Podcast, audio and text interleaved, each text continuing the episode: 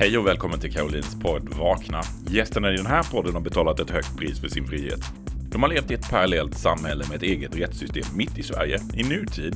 För priset du betalar för att lämna Jehovas vittnen, det är förlusten av alla dina vänner, din familj, släkt och hela ditt sociala nät. I de här intervjuerna delar gästerna sin historia om hur det är att leva inne i en parallellvärld. Om smärtan i att förstå att det man trodde var sant inte alls är det. Och om hur du överlever en social misshandel som kanske skulle kunna ha kostat dig livet. De berättar om vad som väckte dem och hur de har lyckats skaffa sig ett nytt och friskt liv. Du som håller på att vakna kommer att känna igen dig. Du som inte hade en aning om företeelsen kommer att förvånas. Det är dags att vakna med Caroline och gäster. Hej och välkommen till ett nytt avsnitt av Vakna med Caroline och gäster. Idag har vi en väldigt kär vän som är Niklas som är på besök. Vi har känt varandra i många år eh, när vi var väldigt engagerade i Jehovas vittnen. Och eh, idag så är Niklas här för att dela med sig av sitt vaknande. Hur går man från att vara helengagerad äldste till att vara helengagerad uppvaknad person? Välkommen hit Niklas! Tack snälla Caroline, en ära att få vara här. Tack snälla! Väldigt roligt att vi får sitta och prata om de här ämnen. Ja, verkligen. verkligen. Det hade vi inte trott för några år sedan.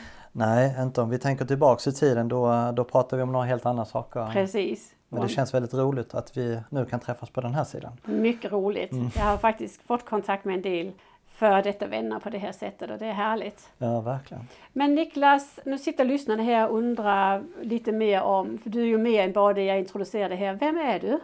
Ja, jag är... Vem är jag? jag? Jag har ju en ganska lång historia som, som vittne då. Ehm, min, det är så här, mina föräldrar skilde sig när jag var en tre fyra år gammal, om jag minns det rätt nu då, och eh, mamma gifte om sig. Pappa har aldrig varit vittne. Så, eh, och så var vi mest hos min mamma, vi var, var 14 dagar hos min pappa. Ja, så och, det var inte det här idag med varannan vecka? Nej, nej, så var det inte på den tiden utan det var varannan vecka. Så, så att eh, då var man ju mest med mamma då och hennes nya man då. Eh, och mamma hade då, var ju vittne då och min mormor och, och min mormors mor också. Vi kommer komma in på det sen då, mm. hur långt tillbaks vi kommer. Men eh, i alla fall. Um, så jag har varit med sen, sen jag var kanske fyra, fyra år någonting. Okej. Okay. Ja. Men eh, hur, du har varit med sedan du var fyra år men, men nu är du ju inte ett Jehovas vittne. mm. Hur ser det ut nu? Vad gör du nu för tiden? Just det, jag, jag är familjefar idag och eh, är gift för tredje gången. Eh, har Eh, har väl skaffat en utbildning på senare år då för att jag, jag, jag, jag utbildade mig ju inte då efter skolan, det skulle man ju inte. Så att jag, mm. jag gick ut som pionjär istället då. Ja. Och sen så satsade jag, precis som du, all in och sen så har man ju kört den, den då som vittne då. Så att jag har varit väldigt, väldigt engagerad och drivande. Ja. Så. Men, men sen när jag kom ut vi kommer ju komma in på rätt många av de här frågorna, men jag, har ju blivit utesluten två gånger, men efter andra gången så, eh, så eh, och det är väl tio år sedan nu då, då började jag liksom göra någonting åt det här med min utbildning och så. Mm. Så att jag har ju för några år sedan då eh, utbildat mig inom psykoterapi. Ja där jag liksom fick egentligen svaren på vem är vi människor? Hur mm. fungerar vi som människor? Vad är själen egentligen? Ja. Uh, hur kommer man i kontakt med sig själv? Ja, uh, hur hittar man vägen? Ja. Uh, vad finns det utanför vägen? och så vidare. Att, att liksom börja kanske vara lite mer nyfiken på att undersöka. Så du, är, du kan känna att Eh, Eh, den, den resa man går igenom när man har ett uppvaknande eh, kan du guida och hjälpa andra till att den kan bli, mindre smärtfri, eh, den kan bli mer smärtfri kanske? Genom den utbildning du har, den förståelse också? Ja, det tänker jag. Alltså, jag, jag har ju um, jobbat med psykoterapi nu ett tag då och uh, den utbildning jag tog det, det är ju mycket så här att man, man går till, alltså till man, man, kör inte, man jobbar inte med symptombehandling utan man går till, till roten med, med, med, med eh, de utmaningar man har kan man säga. Och, ja. och som utesluten och 40 eh, år i sekten då, om jag nu får använda det uttrycket, så, så har man ju väldigt mycket saker man behöver hjälp med. Ja. Och det tycker jag att jag fick ordning på när jag tog min utbildning. Jag fick ja. många, många svar. Och hade en väldigt duktig uh, instruktör och, och, som hjälpte mig då att komma igenom det. Sen satte jag igång eget företag uh, så jag har det bredvid, ett enskilt företag där jag jobbar med det här mm. bredvid. Jag har också ett annat ja. jobb då ja. men, men jag har det bredvid. Där har en privat mottagning hemma då. Men jag jobbar mycket med ex, eh, existentiell eh, psykoterapi. Så det är ja. mycket omkring människan, vårt levda liv, eh, vår framtid eh, och, och att gå till botten med obearbetade känslor. Det är jätteviktigt. Vad fint, för det är ju något av det som vi som Jehovas vittnen blir tränade i att, att frånkoppla oss våra känslor och frånkoppla vårt hjärta. Precis. Och då kan du hjälpa till att hitta tillbaka till det. Ja, det, det tänker jag väl att jag kan. Jag har ju eh, själv upplevt väldigt mycket av det som man ser nu när man är i den här gruppen. Folk som lägger ut och skriver och deras mm. reaktionsmönster och, och känslor som inte de har fått hjälp med. Uh, känner igen mig mycket i det här och, och tänker att jag absolut ser, kan hjälpa. Mm. Så det du ser det är egentligen att tiden läker ingen så ja. eh, om du tittar i gruppen utan det måste göras någonting åt de här trauman som vi går runt med. Ja det, det, det behövs verkligen och eh, det är först när man har gjort det som man eh, faktiskt öppnar dörren till vad vi nu ska kalla det för, det nya livet då. Ja. Det riktiga livet, det, det best life ever. Ja, just det. Precis va. Och, och, eh, och det är ju en resa som, eh, som tar tid. Eh, så, så man, man, tiden läker ingen så men om man gör någonting så är det väl investerad tid, det var egentligen det jag vill säga. Ja. Eh, och det kan ta olika lång tid. Mm. Och jag tror inte man ska sätta kanske hur lång tid kommer det ta? Det är ju många sådana frågor. När, när blir jag hel igen? Och så där. Det är bland de första frågorna man får när man mm. tar emot klienter. När, när blir jag normal igen? Och så ja. och det är så olika för det är så individuellt mm. hur lång tid den här resan tar. Hur mycket obearbetade känslor har man? Oftast mm. vet man ju inte det. Eh, och, och, som jag då med, med 40 år eh, i, och, och, väldigt nitisk och engagerad så var det väldigt mycket jag behövde hjälp med. Ja. Mm. Eh, att gå till botten med och att förstå eh, även, för om du tar och behandlar en känsla så finns det även underliggande känslor. Ja. Och de kan gå väldigt djupt. Mm. Eh, och då kan man till och med behöva eh, man kan till och med behöva hypnosbehandling för vissa för att lösa upp vissa saker. Ja. Det, går, det går så enormt djupt. Man måste gå ner i de här underliggande programmen ja. och lägga friska, eh, friska, sunda program. Ja, och du måste få bearbeta känslorna först innan du kan, liksom, eh, tycker jag då, innan man kan implementera nytt. Liksom. Ja. Ja. ja. precis, för du måste ju hinna med själv ja. i den här utvecklingsresan. Det är ju din resa, eller ens egen resa. Det det. Men känner du att du även kan hjälpa Eh, de som sitter på insidan och är vakna men inte vågar ta steget ut, eh, skulle du kunna ge dem en, en lindrig resa? För det är ju, mm. har jag fått kontakt med många som sitter på insidan och hur ska jag göra om man är rädd och, och så mm. vidare. Mm. Jo det tycker jag väl absolut. Jag har ju själv varit i den situationen eh, och det, det tog det, alltså det är ju en, en, eh, det är, det är en resa och ja. Eh, för min egen del så, eh, så var det att man gick tillbaks igen och sen så ut igen och sådär. Alltså det är lite så jojo-effekt för vissa ja. av oss medan andra bara går rakt ut och mm. Kanske tar det som det, som det kommer som man säger. Va? Men, men jo, jag absolut känner att jag skulle kunna hjälpa både de som är i den situationen men också de som har kommit ut och som kanske behöver hjälp på, på Och du sitter ju i södra Sverige. Ja. Tar du även eh, över Zoom eller digitala? Ja, ja, ja. ja, Så det spelar ingen roll du som lyssnar här om du känner att du vill ha hjälp med någon, både som är utbildad och som har förståelse. Då kan jag förmedla de här kontakten och, eh, och, eh, man kan få hjälp till att hela sitt hjärta och mm. hitta sig själv. Och det kan ju vara väldigt skönt att få det innan man hoppar ut i det nya i det nya livet också. Jag önskade att jag själv hade fått någon som hjälpte mig med det då. Ja. Eh, det var väl lite, eh, lite så jag tänkte också att ja, nu vill jag jättegärna hjälpa dem som behöver det. Ja. Eh, och där jag känner att jag kan hjälpa till också. Ja. Sen är det ju Viljekraft är ju väldigt stark hos, hos oss människor så att om man verkligen vill någonting så, så kan man verkligen förmå väldigt mycket hos sig själv. Ja. Så har man rätt coaching och rätt hjälp Eh, och, och, gör det här på rätt sätt i, i, i rätt etapper liksom. Eller processer eller vad man nu ska kalla det för så, så, så blir det bra till slut. Ja, för man kan ju tänka att eh, ja, men det är jättebra att vara på andra sidan men det är så många år man har gått miste om. Många är ju bittra på andra sidan. Ja, jag förlorar 20, 30, 40 år. Ja men kom igång med nya livet så fort som möjligt och ta tag i de här eh, be, och bearbeta dina känslor så du kan få ett bra liv. Nu är det ju chansen för att riktigt leva på andra sidan. Så jag är jättetacksam för att du vill ställa upp och vara med här och, och vi har möjlighet att förmedla detta.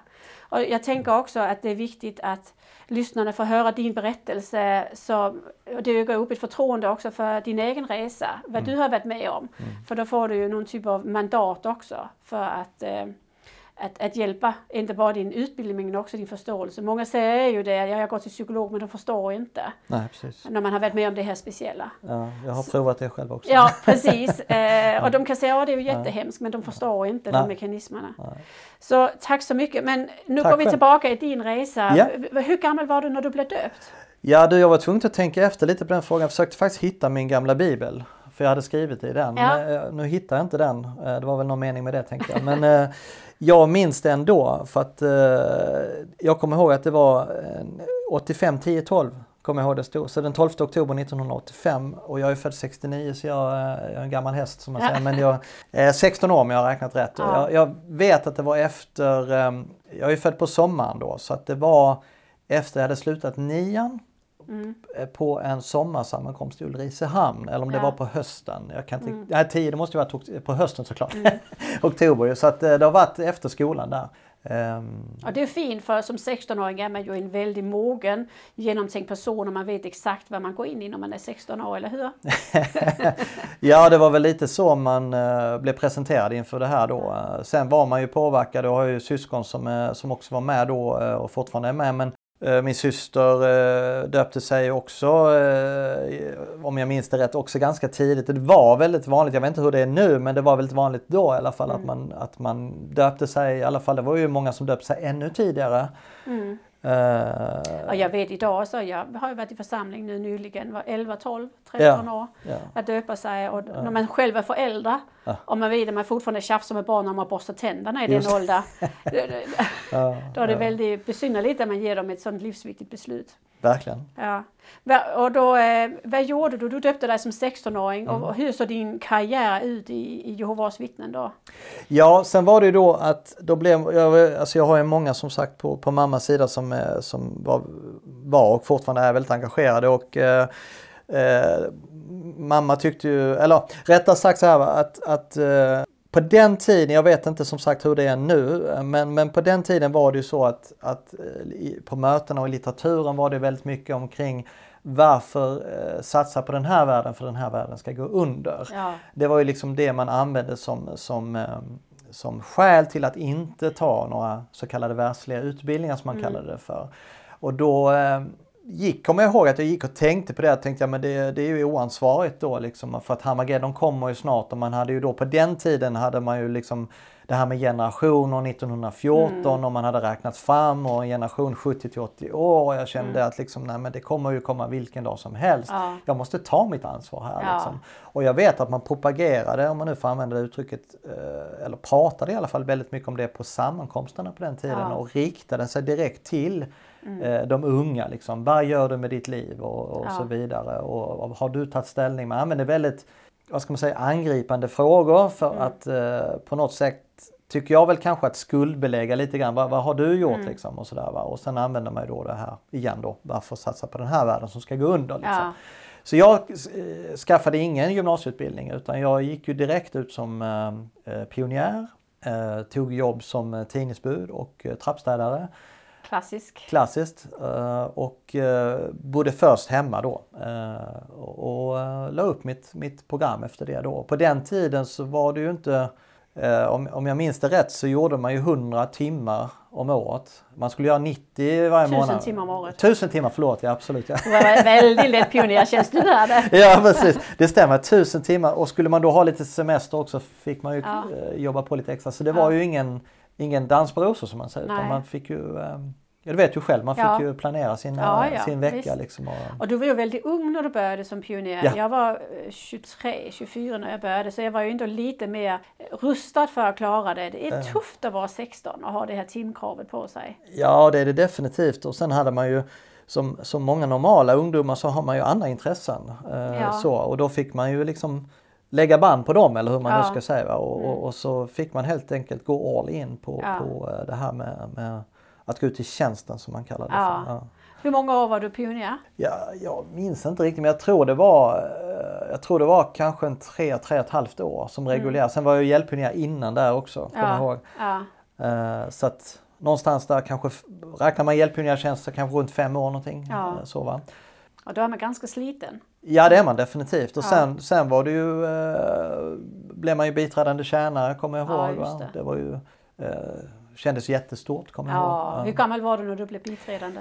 Alltså jag har inte riktigt minne av det men jag skulle, jag skulle tro att jag var kanske runt en 22 någonstans, 23 kanske. Ja.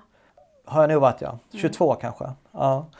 Eh, och sen blev jag ju, eh, senare blev jag då äldst, jag tror jag var 28 när jag blev äldst. ja.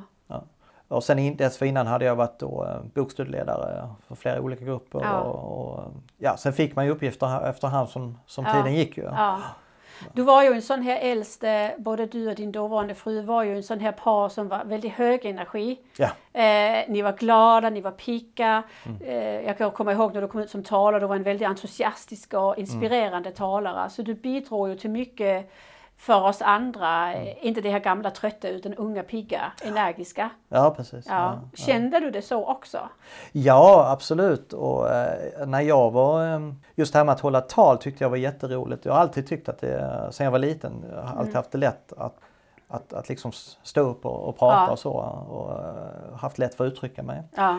Eh, Så det var väl eh, det som de ganska snabbt i den församlingen eh, la märke till och sen Ja. så gick man ju tidigt med i Teokratiska skolan som det hette. ja, det. Där man sen då fick ha tal 2 och tal 4 allt vad det Ja. hette ju. Och sen så när man blev biträdande fick man ju ha lite inlägg på, på eh, eh, vad, heter det nu då? Skolan och tjänstemöten, Ja, vad heter ja, det? ja. Eh, Teokratisk, nej vad heter det? eh, ja, till och med glömt det med skolan och eh, Tjänstemötet hette det? tjänstemötet hette det. Ja, Ja, då fick man ju ha olika punkter där då som Ja. biträdande och det kommer jag ihåg tyckte var spännande. Ja. Sen, sen fick man ju då, eh, den församling jag tillhörde då tyckte då eh, presiderande som det hette då, jag vet inte om det heter det nu, men han tyckte att ja men eh, du ska också ha, om du vill kan du prova att ta ut ett offentligt föredrag. Ja. Och det kommer jag ihåg när jag blev eh, tänkte oj, ska jag göra det? Får man det som biträdande? Ja, det kan man. Vi kan låna ut dig till andra församlingar. Då pratar jag med, med den församlingen och så Ja. kan du komma ut och och det tänkte jag, det här är ju, vet du. Och sen sa han, men då var nu smart, så, han, så välj ett föredrag som inte alla andra har för då kommer du bli eh, in, inbjuden mycket. Ja. Jag tänkte, det vill jag göra. Så jag hittade då, jag kommer till och med ihåg, det hette eh, föredrag nummer 58. Ja. Hur bör du tjäna Gud? Hette det. Till och med det kommer jag ihåg. Eh, kommer fortfarande ihåg hela föredraget. Eh, så, eller det mesta av det. Men i alla fall blev väldigt mycket engagerad då, blev inbjuden i många församlingar och kom ut då och började komma i kontakt med många olika församlingar. Och började tidigt ha föredrag. Sen blev jag ju äldste och sen började ju bli eh, här, li- lite tal och inlägg på sammankomster och, och, och ja, man Ja. fick mer och mer uppdrag. Så att, säga. Eh, så att jag har väl haft lätt för att, eh, som du sa, jag hade väldigt mycket energi. Jag kände att jag trivdes på scenen. Jag kände att jag hade förmåga att få människor att gå åt ett håll om man säger så. ja. Har väl det fortfarande. Nu blir det åt ett annat håll. Har lätt att engagera folk och Så man kan säga att du hade en ganska så spikrak karriär i Ja. församlingen, du gifte Ja. dig och så vidare. Ja, Så när, blev du, när lämnade du?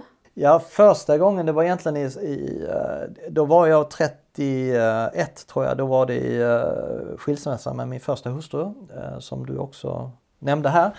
Och då hade jag eh, träffat en, en, eh, en annan syster faktiskt då som jag eh, var otrogen med. Och, eh, och då var jag ju äldst när det här hände så att jag, jag dömde mig själv väldigt hårt eh, såklart. Eh, Ja. Och tyckte att det var ju fruktansvärt dåligt gjort av mig Ja. och så. Och, och ehm, eh, skrev eh, ett fysiskt brev som jag skickade in till presiderande som det hette då. Eh, och där jag berättade allt vad jag hade gjort. Och, eh, och tyckte själv, hade dömt mig själv att jag skulle bli utsluten. Ja. Inget snack om saken. Nej, nej, Så gör man inte. nej. Och sen eh, blev jag mot all förmodan utesluten. Vilket man ju inte får lov att göra utan att man har pratat med personen om man nu ska följa deras regler. Eh, eh, och sedan så eh, blev det ju väldigt svårt för mig då. Eh, Helt plötsligt var jag i en situation jag aldrig hade varit i tidigare. Och mådde väldigt dåligt såklart, det gör man ju. Och eh, kunde inte, eh, alltså jag mådde psykiskt dåligt, eh, var sjukskriven under en längre tid, eh, hade ingenstans att bo. Eh, Flyttade in till min pappa som inte är vittne. Ja. Han hade väldigt svårt att förstå hur, hur eh, vittnena kunde göra så här. Vad är det för en kärleksfull gud som gör så Ja. här? Och Ja. Det här är helt naturligt, de borde hjälpa dig och, och, och sådär. Så han hjälpte mig egentligen lite grann på vägen att börja, börja tänka på ett annat sätt. Vilket jag är väldigt glad för idag. Så att han var väl min, min räddning då. ja. Vad skönt att du hade honom. Ja absolut. Sen, sen flyttade jag till, till Malmö och, och, eh, på den tiden och sedan eh, Ja, sen, sen, sen tog det, sen började jag då precis som, som du och många andra att man Mm. ville jobba sig tillbaks då för att man Mm. kände ju att här ska jag inte vara, jag måste tillbaks. Liksom. Ja. Så jag jobbade mig tillbaks. eh, Och kom Så du var tillbaks. egentligen utesluten utan att vara vaken? Ja, det var jag Ja, du definitivt. var fysiskt ute men Ja. du var fortfarande mentalt inne? Det var jag. gick på alla mötena. eh, Kommer ihåg att jag träffade en annan uh, utesluten kille där på ett möte där och så sa jag men ska inte vi börja liksom förbereda vakthållstudiet ihop? Ja, så, så att vi, visst. Vi träffades ju och um, började umgås. Han hade heller inga vänner liksom. Så Nej. vi började umgås då. Och vi var väldigt olika men vi uh, körde vakthållstudiet tillsammans Ja. och cyklade till mötena och Ja. kämpade som idioter då eh, för att komma tillbaks. Mm. Och jag kommer ihåg att han kom tillbaks två veckor innan mig Oj. det var, det var väldigt, för då kände jag mig helt utlämnad. Jag tänkte, kommer jag inte liksom, och nu är han med och nu kan jag inte Ja. ha kontakt med honom heller längre. Nej. Så jag grät, vet du. jag tyckte det var så jobbigt och han grät för han visste vad jag gick igenom. Så här, va? Eh, och sen eh, gick det då eh, kanske ett par månader till och sen var jag också återupptagen då. Ja. Och, och då kommer jag ihåg att jag kände att nu är jag tillbaks liksom. Ja. Och, och sen eh, jobbade jag ju vidare på den linjen då. ja. Träffade då... Hur länge var du utesluten? Ja, vad kan det ha varit? Det har nog varit kanske ett och ett halvt år någonting. Vilket inte är så länge Nej. för att vara äldste och vara otrogen och så. eh, Nej, det var nog mycket på grund av att de hade uteslutit mig utan att ha en kommitté. Ja. Eh, För jag kontaktade ju då eh, eh, församlingen där i Malmö och presiderande där berättade min historia och han sa då, de kom hem och besökte mig faktiskt, två bröder där, två äldste bröder och han sa det här, så här får det inte gå till, så här får man inte göra. Så han tog kontakt med den församling jag kom ifrån och, och berättade så här får ni inte göra, nu eh, tar ni tag i det här liksom. Ja. Så att de, eh, jag tror det var lite för att de hade gjort fel, för jag vet att det kom en upp på, eh, på högsta nivå som man säger. Kretsutredningsmannen, var, kretsutredningsmannen som det hette på den tiden, heter det kanske fortfarande, han eh, var ju också involverad i det här. Ja. Så det lyftes upp och då började de ju liksom, okej, ja, men då får vi ju liksom, vi har Ja. gjort fel här. Ja. Så jag tror det var det, annars tror jag att det hade tagit längre tid Ja. faktiskt. Så då, då var du tillbaka och så var det bara full fart igen? Då var det full fart och sen eh, blev det faktiskt så med tiden sen då eh, att jag började träffa den här systern då igen. Och, och eh, sen, sen eh, gifte vi oss faktiskt. Ja. Eh, och sen så fick vi ett liv tillsammans då. ja. Och barn. Först mitt första barn Mm. då. Då var jag 36 när jag blev pappa. Och, Och var du eh, lika engagerad fortfarande efter den här uteslutningsupplevelsen eller var det någonting ändå som hade väckts i dig? Alltså jag var ju väldigt engagerad i mitt hjärta. Ja. Eh, så, men eh, den här systern var ju inte svensk så jag flyttade till Danmark. Mm. Och jag hade aldrig bott i Danmark. Jag Nej. kunde inte språket. Kulturen var ny för mig. Jag skulle börja jobba i Köpenhamn. Så här, va? Och det var väldigt mycket nytt för mig. Ja. Och danskarna är ju annorlunda svenskarna, det vet du Mm. själv. Så att för mig var det ju att lära den danska kulturen, språket. Jag har alltid varit så att man måste kunna, du vet jag har varit väldigt så här att man ska kunna prata ordentligt och Ja. man ska det och det och man ska, jag har haft enormt höga krav på mig själv. Och, och la väl kanske tre och ett halvt år av min tid till att verkligen lära danskan och kulturen och alltihopa. Mm. För att jag gick ju all in i församlingen då. Ja. Men det gjorde jag på svenska. Ja. Så alla bara, ja, vi förstår att du är väldigt engagerad men vi förstår inte riktigt vad du säger.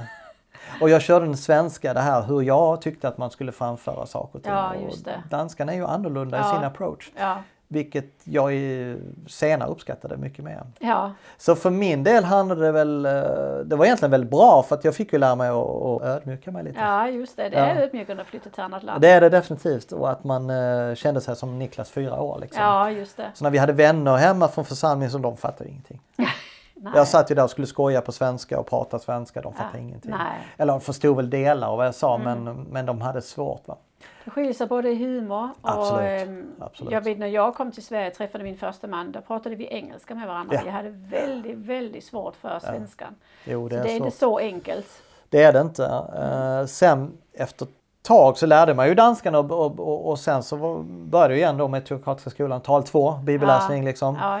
Stod som svensk och skulle läsa danska liksom. Ja. Och alla bara, ja vi känner att det är bra fart på det men ja, det går nog bättre sen. Liksom. man tyckte själv man gjort en enorm Ja. prestation. Sen blev det tal 4 och allt vad det heter. Sen så blev jag ju uh, utnämnd till biträdande tjänare då. Då blev det. Ja. I Danmark då. Så, Ja. så då började man få lite uppgifter och så. Ja, sen var jag igång igen då. Ja. Ja, full fart framåt.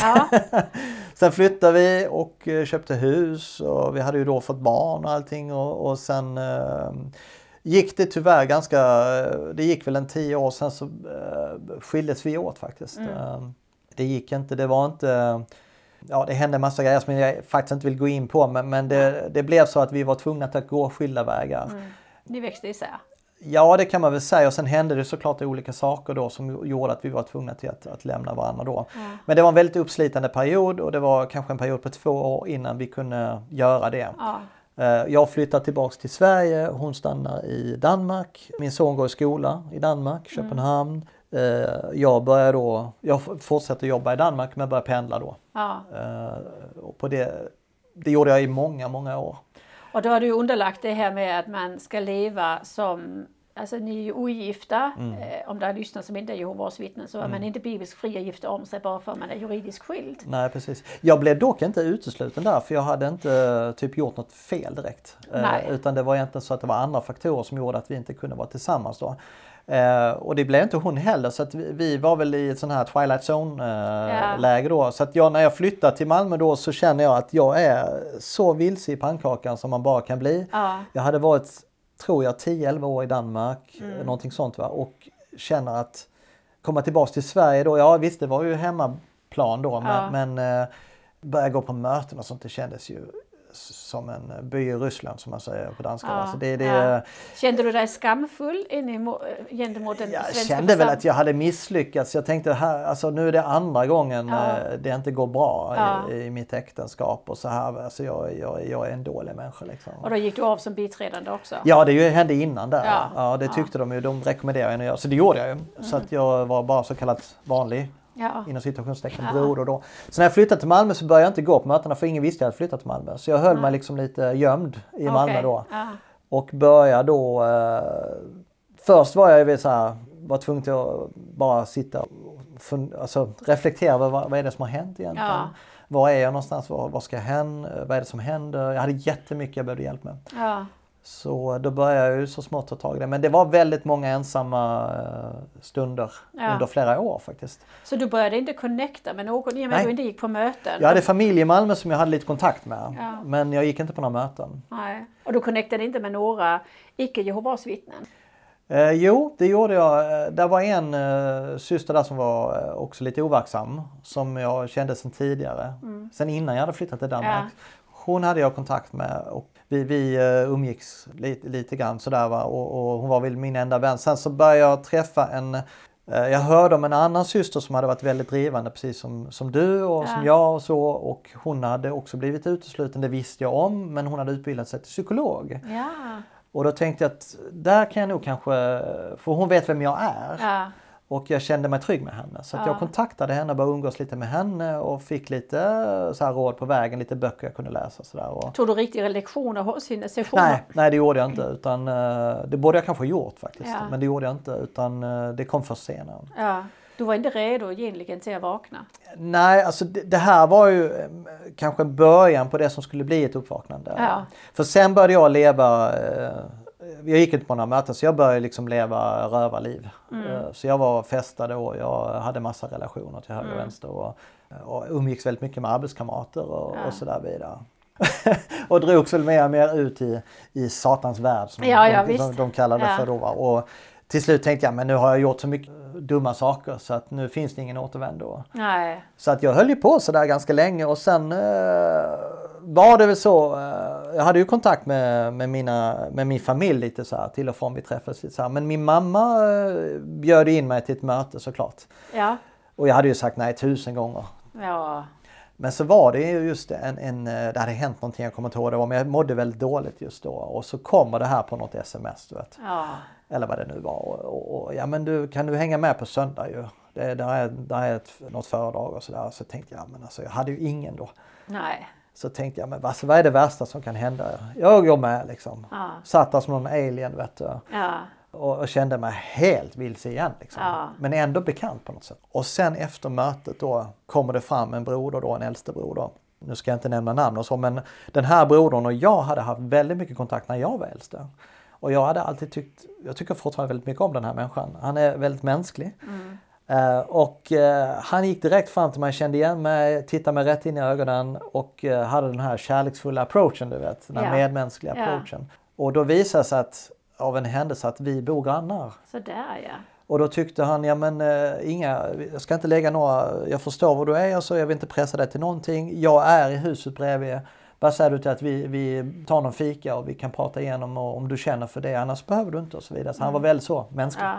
Och då blev det så att jag kontaktade honom. Ja. Mer och mer och mer och sen så eh, efter ett tag så började jag gå regelbundet mötena igen då och kände att nej, men nu är jag nog på rätt bana igen. Liksom började känna att jag hade hittat liksom fotfäste. Och då blev det ju så att eh, jag ville ju då kan man säga prata med han den här brodern och sa att jag vill nog ha behandlat det som jag har. För jag har gjort massa saker jag inte skulle ha gjort. Och ska jag gå här så vill jag ha eh, rent bord. Liksom. Så då blev det ju en slags ja, kommitté eller vad man ska Ja. säga där de skulle prata om det då. Men då tyckte de ju liksom, då gick de ju på den mänskliga, medmänskliga faktorn och tyckte ja men det där är en förklaring till att det har blivit som Ja. det har blivit och de sa att du, vi tar tillbaks dig och Ja. så får du ing, du får inte svara så, du får restriktioner då. Och jag det var helt fint, jag hade ingen lust att göra någonting, jag ville bara liksom komma igång. Ja. Och sen var det så att jag, och sen lyftes det ju av och sen så blev det mer och mer. Att de, för de visste ju vem jag var och var jag kom ifrån. Han visste ju det. Och han var ju då eh, väldigt drivande i den församlingen så han lyfte ju fram mig väldigt mycket. Så då, helt plötsligt skulle jag inleda och avsluta på möten. Jag skulle ha då, eh, vad heter det, möte för tjänst. Ja, ja. Ja, innan man går ut. Eh, så började jag leda möte för tjänst och du vet, blev mer och mer aktiverad. Och sen ville de eh, att jag skulle ha, att jag skulle börja jobba mot att bli biträdande tjänare. Det är väldigt fascinerande så djupt de gamla spåren sitter. Mm, Att bara egentligen en liten puff in, mm, Eh, om inte man är vaken, så sitter man där igen. Oh ja. Och det är ju egentligen för att varenda cell i vår kropp, om vi har varit med så länge som du och jag, Ja. sen man har varit liten. Det här har man ju bevisat att, att tankar påverkar ju. Tankar är ju det starkaste vi människor har. Tankar Ja. påverkar känslor men tankar påverkar också varje cell i din kropp. Ja. Och vi har cirka, tror man, 50 biljoner Mm. celler i vår kropp, kanske fler. Och varje cell fungerar som en fabrik, den producerar någonting. Ja. Så när du tänker en tanke och du verkligen vill det, Mm. då kommer det en extra kraft i de här cellerna. Ja. Och då påverkas de att producera någonting. Och tänk dig då som jag 40 år har tänkt tankar som bara den här organisationen vill att du ska tänka. Ja. Varenda cell i din kropp har bara vant sig vid att, att agera på det. Mm. Så när du då kommer tillbaks så, så känner ju, det blir ju liksom ett cellminne som sätts igång igen. Ja. Va? Ja men det är så här det ska vara. Ja. För du vet inget annat. Nej. Du har aldrig tänkt en annan tanke. Nej. Du har aldrig ifrågasatt någonting. Nej. Så det är egentligen det. eh, Och när jag Så kom... man tror det är ens egen vilja men egentligen är det bara ett cellminne som Ja. kickar igång. Det är en process som kickar igång i dig. Det är det absolut och, och eh, hela ditt system känner igen det här och du kommer då ganska snabbt tillbaks till det vi kallar för en illusion. Alltså för man lever, alla lever i en illusion, det gör jag också. Ja.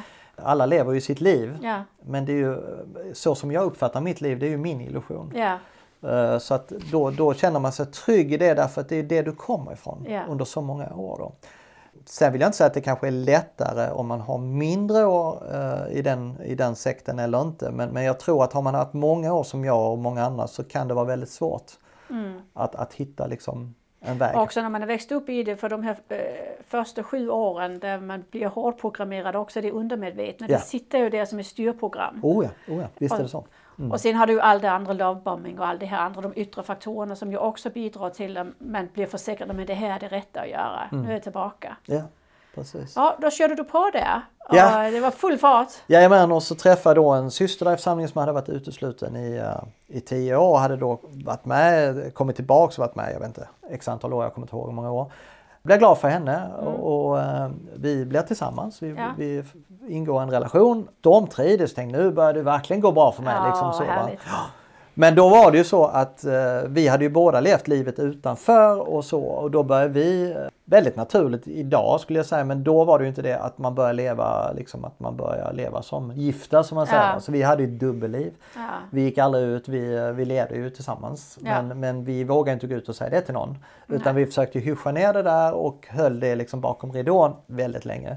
Sen... Får jag bara sticka in en fråga Ja här? absolut, skjut. Hur funkar det på kroppen när man lever ett dubbelliv? Är det några skadliga processer eller kan man hantera det psykiskt att, Nej, det- att ha två liv? Jag kunde inte det med tiden Nej. utan jag kände ju bara att jag levde mitt liv på en lögn. Och jag har alltid varit känslig för det där med, med, med sanning och lögn. Många gånger är det ju de händelserna som gör mest ont Ja. som egentligen i längden är de mest lärorika vi varit med om för de tvingar oss till att stanna upp och tänka. Det är definitivt. Ja. Definitivt. Så, att, så, så, ligger, det- så ligger det till. Va? Och, ehm, Har du gjort någonting själv för att vakna? Alltså läste du de här klassiska böckerna, Crisis of Conscience och, och så vidare? Ja, den har i alla fall... Jo, jag har läst många av de där böckerna men jag, jag tror egentligen att eh, det var... Alltså det är ju en process hela tiden och, och när jag började utbilda mig inom psykoterapi för några år sedan så började jag komma i kontakt med väldigt spännande böcker. Ja. Där man läser Kay Pollaks böcker, eh, Eckhart Tolles böcker, eh, ja många sådana här. Filosofi är ju farligt. Ja det är det ju definitivt men, men ehm, eh, hade man ju lärt sig. Eh, men då började man ju förstå att det finns så mycket mer. Ja. Och börja förstå hur vi människor egentligen hänger ihop och hur vi inte hänger ihop så att Ja. säga. Och, och det här just med Eckhart Tolle är ju väldigt intressant för att plötsligt förstår man att den verklighet den ena personen har är inte detsamma som en annan verklighet. Nej. Och i, i Jehovas vittnen har man ju en sanning, en verklighet, så här ser det ut. Men han, han är ju väldigt duktig på att utveckla hur du skapar din verklighet och hur du gör det bästa utav det. Ja, precis. Nej, så det var många spännande böcker i min utbildning där eh, som, som man läste där jag började liksom förstå mer och mer. Mm. Och, och där jag började tänka andra tankar. Så var, du gjorde någonting aktivt. Ja, definitivt. Ja. definitivt. Jag ville ju också att jag skulle bli Alltså jag ville omfamna ett nytt liv så att säga. För jag visste att jag ville inte tillbaks eh, längre då. Utan då, då, jag, då stod det klart för mig att jag, jag ville andra hållet. Mm. Och då får man göra något aktivt. För står man stilla där så är det ju tiden som tar ett beslut för dig. Ja, Man vill ju aldrig, jag vill inte att tiden ska ta ett beslut för mig. Nej. Jag vill själv påverka vilka beslut jag tar. ja, För väntar man för länge så tar ju tiden beslutet. Alltså då händer det Ja. någonting, Ja. eh, omständigheter eller annat. ja. Och då har du inte själv tagit det beslutet utan då, då, eh, då är det något annat som gör att du, du följer med liksom, på strömmen. Det väldigt lätt att andra har en agenda för dig då. Definitivt. Och då, då är man en lätt pussel i deras händer. Ja det är man va. Och, och, ehm, Och det behöver inte vara negativt, det kan vara kärleksfulla mammor. Och, ja då, och det här. kan vara alla, ja. alla möjliga. Och, Ja, och, och de kommer ju alltid. ja. och vara kärleksfulla mammor ja. Ja, ja även andra ju. Så, Ja. så att det är ju, Ja. eh, de dyker ju alltid upp när man, man tror att man bäst behöver dem. Så att säga. Så var det en, det här uppvaknande som du gjorde, hur lång tid tog det? Och vilket steg gjorde du? Ja, det, det, jag vet inte, jag har inte satt någon tid på det men det, det, för mig var det en längre process. Det är ju så här att, att eh, man, har ju, lärde mig då när jag lä- läste psykoterapi, att man har jag tänkte vi kan snabbt ta det men det är eh, fyra olika faser man går igenom. När man, Ja. För det är ju en krissituation som uppstår. Ja, Och i krissituationer eller stora omställningar i livet så är det fyra faser man går igenom. Och det Mm. är lika för alla människor. ja, Så man kan liksom inte köpa sig fri från den utan det, är- det är så. Och den första det är ju chockfasen. Alltså att man, man kan ha dämpade känslor, man kan ha överdrivna känslor, man eh, har en försvarshållning, man tycker att ja, men det här är orättvist, det här måste jag gå till botten med. Varför gör ni så här? Och så, man vill liksom, det är en chock eh, som man upplever. Va? Eh, man har svårt att uppfatta vad som verkligen har hänt. Man, man kan, jag kan själv minnas det, va? Är jag utesluten? Men jag var ju, alltså, det är så här tomrum, man förstår inte vad som har hänt. Liksom. nej. Man har kanske blivit utsatt för något. Man är förvirrad och man kan eh, kanske tänka och handla på, på olika sätt. Va? Eh, en del pratar flitigt om det öppet, eh, andra är tysta. Så det är helt olika hur man reagerar. Men, men eh, sen kommer det ju då oftast fysiska reaktioner. Kroppen mår dåligt, man kan ja, kan få huvudvärk, man kan känna sig yr, man kan vara illamående och så vidare. Eh, man kan få spänningar och så vidare. Sen kommer reaktionsfasen, det är nästa fas. Då är man oftast väldigt trött, det, det hela känns väldigt starkt overkligt. Mm. Man har känsla av overklighet. Jag minns att jag hade det också. Mm. Tyckte det var jätteoverkligt. Mm. Så, vad är det här för någon konstig, är det här en film eller vad, vad är det ja. som händer? Liksom? Ja. Eh, tiden upplever man också förändrad. Man kan inte riktigt redogöra hur länge, hur länge sedan är det nu och, och, och, vad är det som har hänt och var är jag nu och var ska jag mm. hän och sådär. Man är väldigt så förvirrad. Oftast har man då rastlöshet, man kan ha skuldkänslor, hade jag själv, starka mm. skuldkänslor. Mm. Man kan förneka kanske, det gjorde inte jag men man mm. eh, kan förneka det som har hänt för att liksom försöka överleva. Oftast får man ju också sömnproblem, man kan ha drömmar och så här. Man kan till och med utveckla eh, posttraumatic stress, vilket ja. jag själv fick faktiskt. Eh, hur, hur yttrar det sig eh, PTSD? Det kan yttra sig på olika saker men oftast börjar det ju med att man drömmer väldigt starka drömmar. Man kan ha hjärtklappning under, under sömnen, man kan vakna flera gånger med att man du vet så här, mitt, mm. det gjorde jag själv under en längre period så att det var ohållbart för mig så jag var tvungen att uppsöka en läkare då. Mm. Och det, oftast är det ju att du bara får medicin. Alltså du får, mm. uh, de skriver bara ut antidepressiva och ja. ångestdämpande så de går ju inte egentligen till botten med någonting utan det är bara tabletter då. Ja. Och visst det kan ju vara att man är tvungen att ta det men jag tycker i alla fall personligen att det är viktigt att man går till botten med var, varför det är jag upplevde så här. Varför ja. har jag de här drömmarna? Vad, vad är det som utlöser det här då? Mm. Och det är obearbetade känslor som gör det. Ja. Det vet jag idag. Mm. Och det är det jag jobbar med. Mm. Så att man liksom tar tag i roten till, ja. inte symptomen utan roten till ja. symptomen. Ja. Sen kommer bearbetningsfasen och den kommer egentligen kommer olika för olika människor. Eh, där, där är det ofta mycket så här sorg och känslor kring det mm. som har hänt. Man mm. kan gråta och, och, tycka det och så. Man kan också vara väldigt glad. Så. Man kan ha en viss förståelse, man blir lite mer medveten för vad man har upplevt och kanske man har, vad man har blivit utsatt för. Om det har varit en orättvis behandling och sådär. Mm. Det är fortfarande vanligt att man har sömnsvårigheter, kanske har minskad aptit och så. Det är en mm. reaktion i kroppen. Eh, man upplever ofta psykosomatiska symptom, oftast ångest då, eh, nedstämdhet eller att man är orolig. Sen kommer det minnesbilder, det, det ser vi ju och upplever själv fortfarande kan man ju få lite så minnesbilder på olika saker. Att man tittar på någon lokal, jag körde förbi vår gamla rikets sal till exempel eh, för ett tag sedan och då kom ju massa minnen upp. Ja. Liksom. Och nu ja. låg det någon Montessori-förskola i det huset då. Ja, just det. Kändes ju jättekonstigt. Ja. Så då spelas det ju upp och det är ju en del av, eh, det är viktigt att, att det får lov att hända faktiskt för det är en del mm. av eh, den här bearbetningsprocessen. Så inte döma det eller vara rädd Nej, för det, man ska bara låta det passera. Ta emot det. Va? Och det är oftast i bearbetningsfasen man också får den här posttraumatic stress. Det är ja. oftast där det händer så att det är i den tredje fasen. Så man kan säga... Eh, men det kan uppträda även i de andra faserna men det är oftast här den kommer. Så det är egentligen bra om du har PTSD för det betyder att du är en bit på vägen? Ja, alltså det är inte bra om inte man får det behandlat. Nej. Så får, tar du bara medicin till exempel så får du inte behandlat eh, dina obearbetade känslor utan då får du bara dämpat dina symptom. Mm. Men de kommer komma igen ännu mm. starkare sen. Mm. Så det är viktigt att man får professionell hjälp tycker jag då. Ja. Så, va? Sen kommer då den sista fasen och den kallas för nyorienteringsfasen och den mm. har inget slut.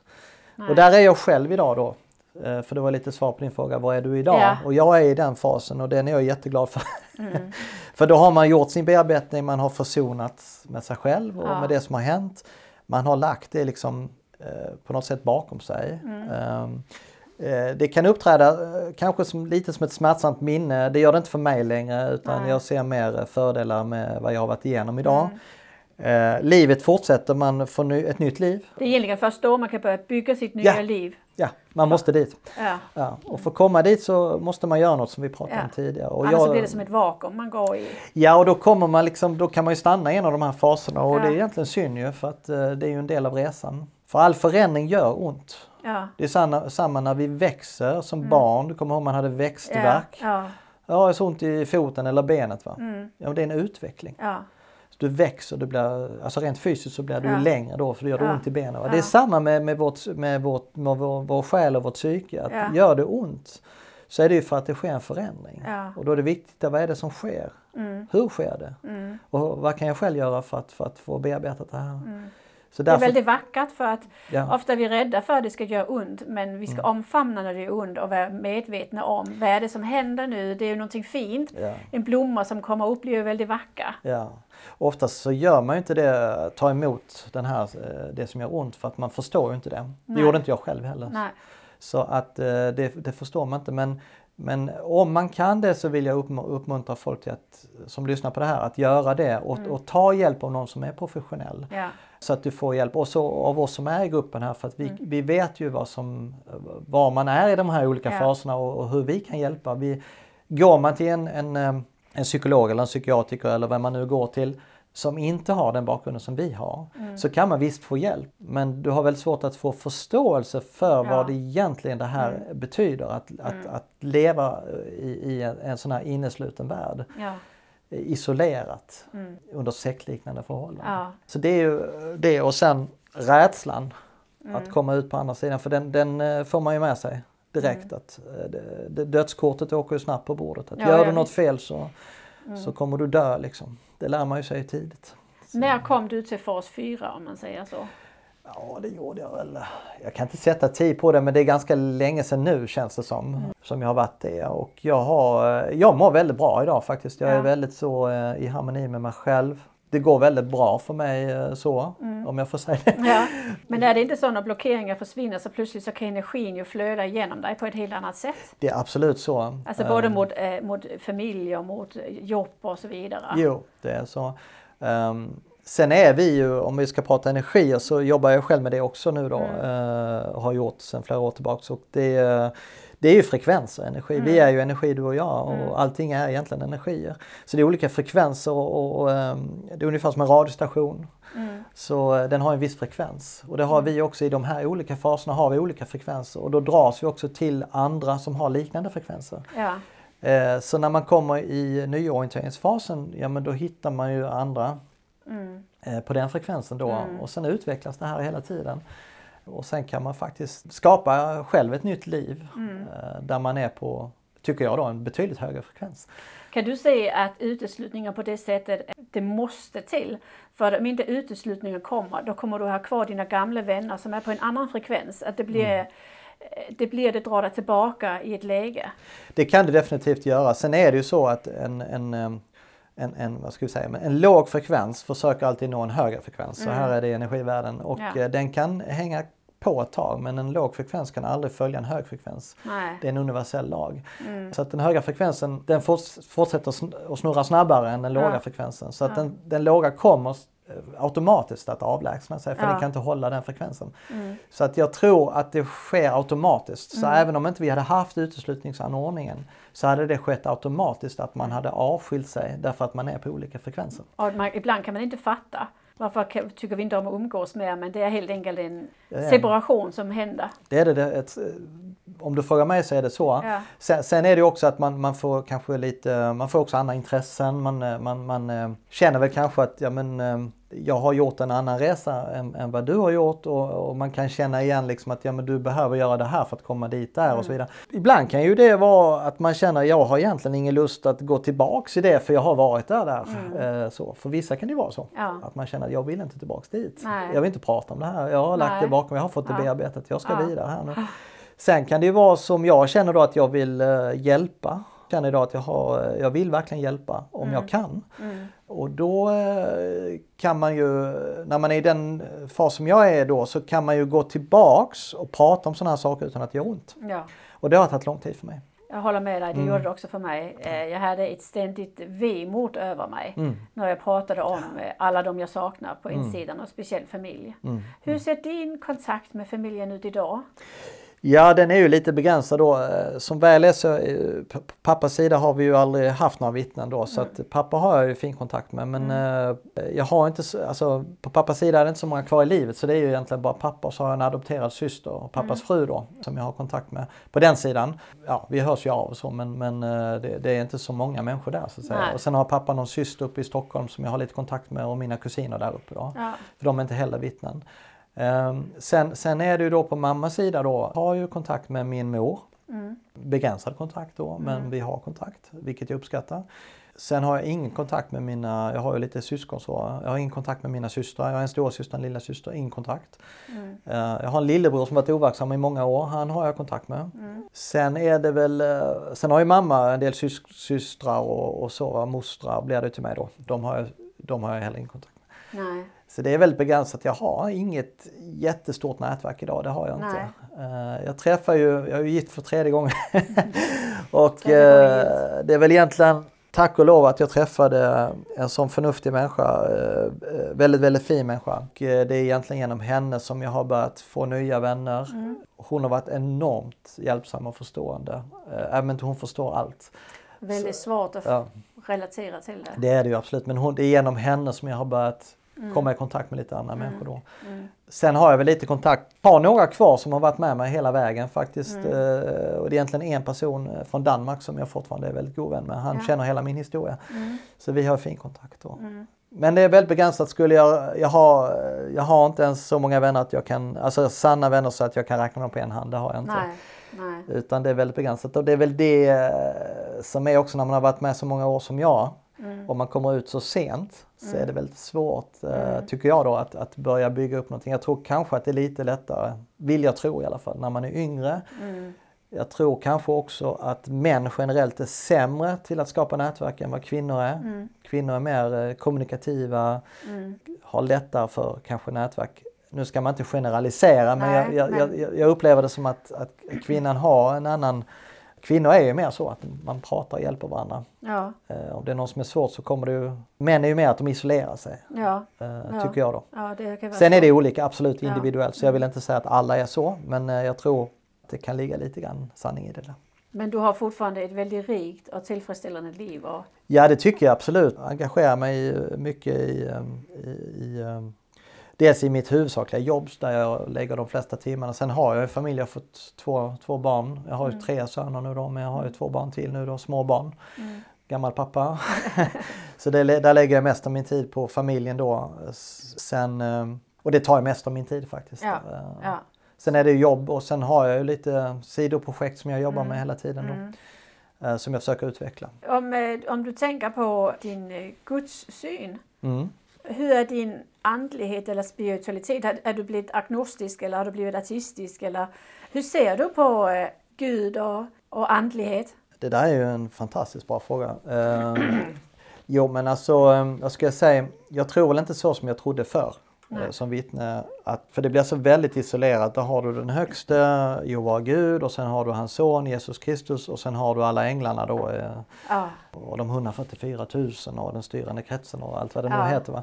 Så tror jag absolut inte längre. Jag tror definitivt att det finns en, en eh, ska kalla det en gud, det kan man väl Ja, kan man väl säga om man vill det. Det, det är ju någon, någon hög, hög energi någonstans. För energier finns och det kan vi inte förneka, tycker inte jag då. Eh, Bibeln säger ju dynamisk energi. Ja, så att det är någon väldigt kraftfull energi. Sen eh, finns det då andra energier. Ja, Om du sen väljer det kalla, vad man nu väljer att kalla det. Ja. Det finns ju väldigt mycket olika energier. Det finns ju ljusvarelser, det finns olika änglar som har olika funktioner. Det finns olika krafter. Ja. Eh, Kärlek är ju en kraft i sig Ja. själv till exempel. ja, Hat, en, eh, motsatsen, är ju också en energi. Så att eh, det, det är ju energi överallt. Så, att jag säga tror på energier. Och jag tror på att det är någon som har satt igång allt det här. Det måste det vara, tänker jag då. ja.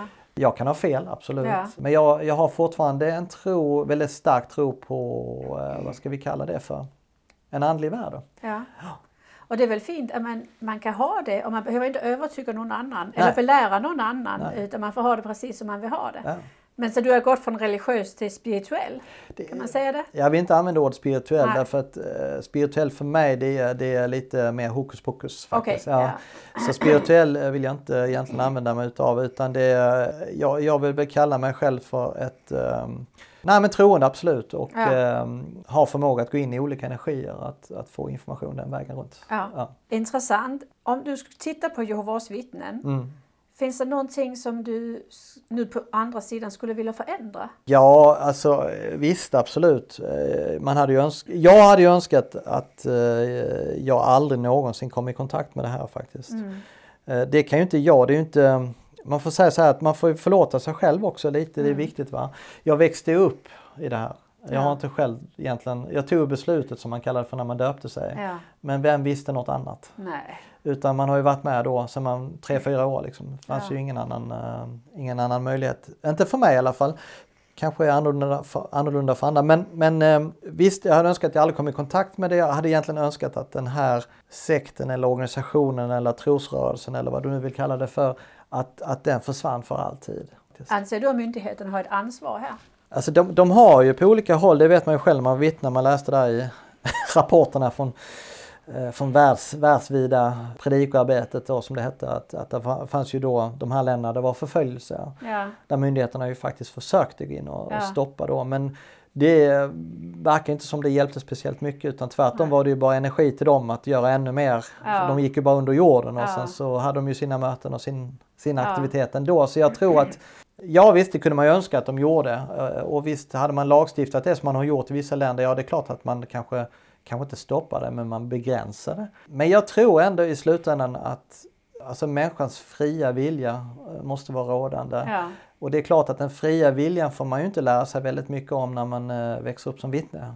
Nej, för man kan säga i Sverige har vi ju barnkonventionen som Mm. faktiskt är lag. Mm. Så vi har ju lagar att stödja oss åt. Just det. Mm. Anser du att Jehovas vittnen bryter den lagen redan idag? Jag kan inte den lagen så jag, jag kan inte riktigt uttala mig faktiskt om det. Då måste jag nog se vad det står Ja. eh, i den lagen. Men eh, jag tycker väl att om vi, om vi bara säger rent generellt så, så är, jag, eh, är jag idag väldigt mycket emot alla former för sekter och sektliknande organisationer. För nu fokuserar vi oss ju bara på vittnena här. Ja. i den här podden då men det finns ju många andra sekter som Mm. är ännu värre än det här och, och, som- och sektliknande organisationer. Ja. Man kan ju jobba i, eh, i företag som, som fungerar på samma sätt till exempel. Så att, eh, advokater kan ju också bli uteslutna och så vidare. Så det, det finns ju många andra sådana här sektliknande organisationer. Så, och, och det, ju, eh, det hade man ju önskat att det försvann. Mm. Kanske är det också en del av vår utveckling att, att eh, jag vet inte, att, att man på något sätt måste igenom det där kanske, jag vet inte. Det, det är lite flummigt där tycker jag, svårt att Ja, veta. man kan säga att barnkonventionen handlar ju bland annat om att, man ska, att barnen har rätt att bli uppmuntrade till utbildning. Just det, Ja, och ja, Mm. Du, du sa ju som 16-åring att då var du ju uppmuntrad till någonting annat. just det. Nu är det ju många år sedan Mm. men idag eh, är det ju likadant. Man uppmuntrar inte till eh, utbildning. Nej, jag vet inte hur det är idag. Det, jag läser ingen av deras litteratur längre. Nej, så att jag nej. följer inte alls med. Nej, Och vill det var inte inte- så länge sedan jag lämnade. Nej, det har nej. ju inte förändrat sig.